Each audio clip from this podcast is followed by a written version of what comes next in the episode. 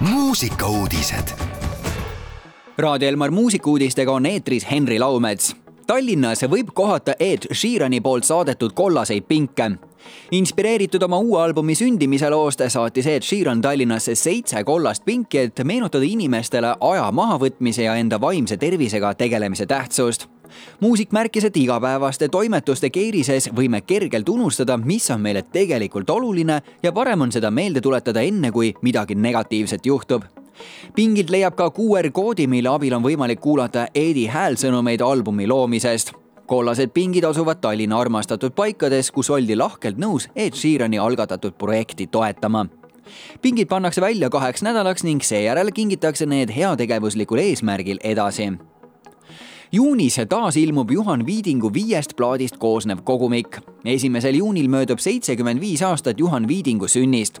selle tähistamiseks taas ilmub Vaiguviiulilt viiest plaadist ja raamatust koosnev kogumik, millel on talletatud Juhan Viidingu looming peaasjalikult tema enda esituses esmakordselt ilmus kogumik kahe tuhande neljandal aastal ning müüdi kiirelt läbi sisult on uue tiraaži plaadid samad, kuid tagatud on parem helikvaliteet album ilmub nii CD kui ka vinüüli kujul. lisaks toimub esimesel juunil kell kuus õhtul Kirjanike Maja Musta laega saalis Juhan Viidingu seitsmekümne viiendale sünniaastapäevale pühendatud mälestusõhtu.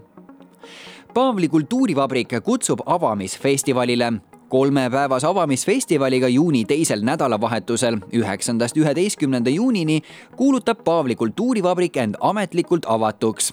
Kolme tuhande ruutmeetri peale mahub rohelusse olesklema ja sportlikuks vahepalaks pallikorvi viskama, nautima kunsti ja sööki ning muidugi palju muusikat, kontserdisaali, õunaaeda, hoovi ja garaaži.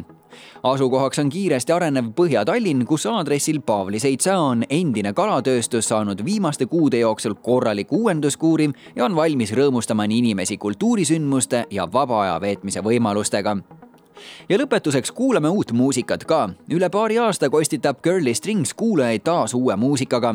ansamblil on käesolev aasta eriline. kui augustis tähistab bänd suure juubelikontserdiga enda kümnendat sünnipäeva, siis kaheksateistkümnendal mail nägi ilmavalgust ka Esilokkarite uus singel keelpilli helidel mänglev õnn on marineeritud curlide parimas mahlas, seigeldes mandoliini, kitarri ja kontrabassi kaasahaaravaid radu pidi, põimides endasse ka sügavama elutõe. värske laul nimega Õnn räägib lähedaste olulisusest rasketest momentidest väljatulekul kuulame ka meie bändi uut lugu üheskoos. Raadio Elmar eetri võtab üle ansambel Curly Strings looga Õnn. mõnusat kuulamist muusikauudised igal laupäeval ja pühapäeval kell kaksteist, viisteist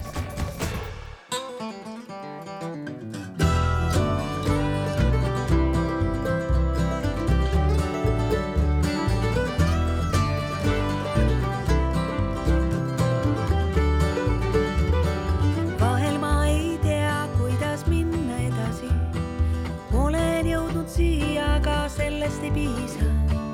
ununema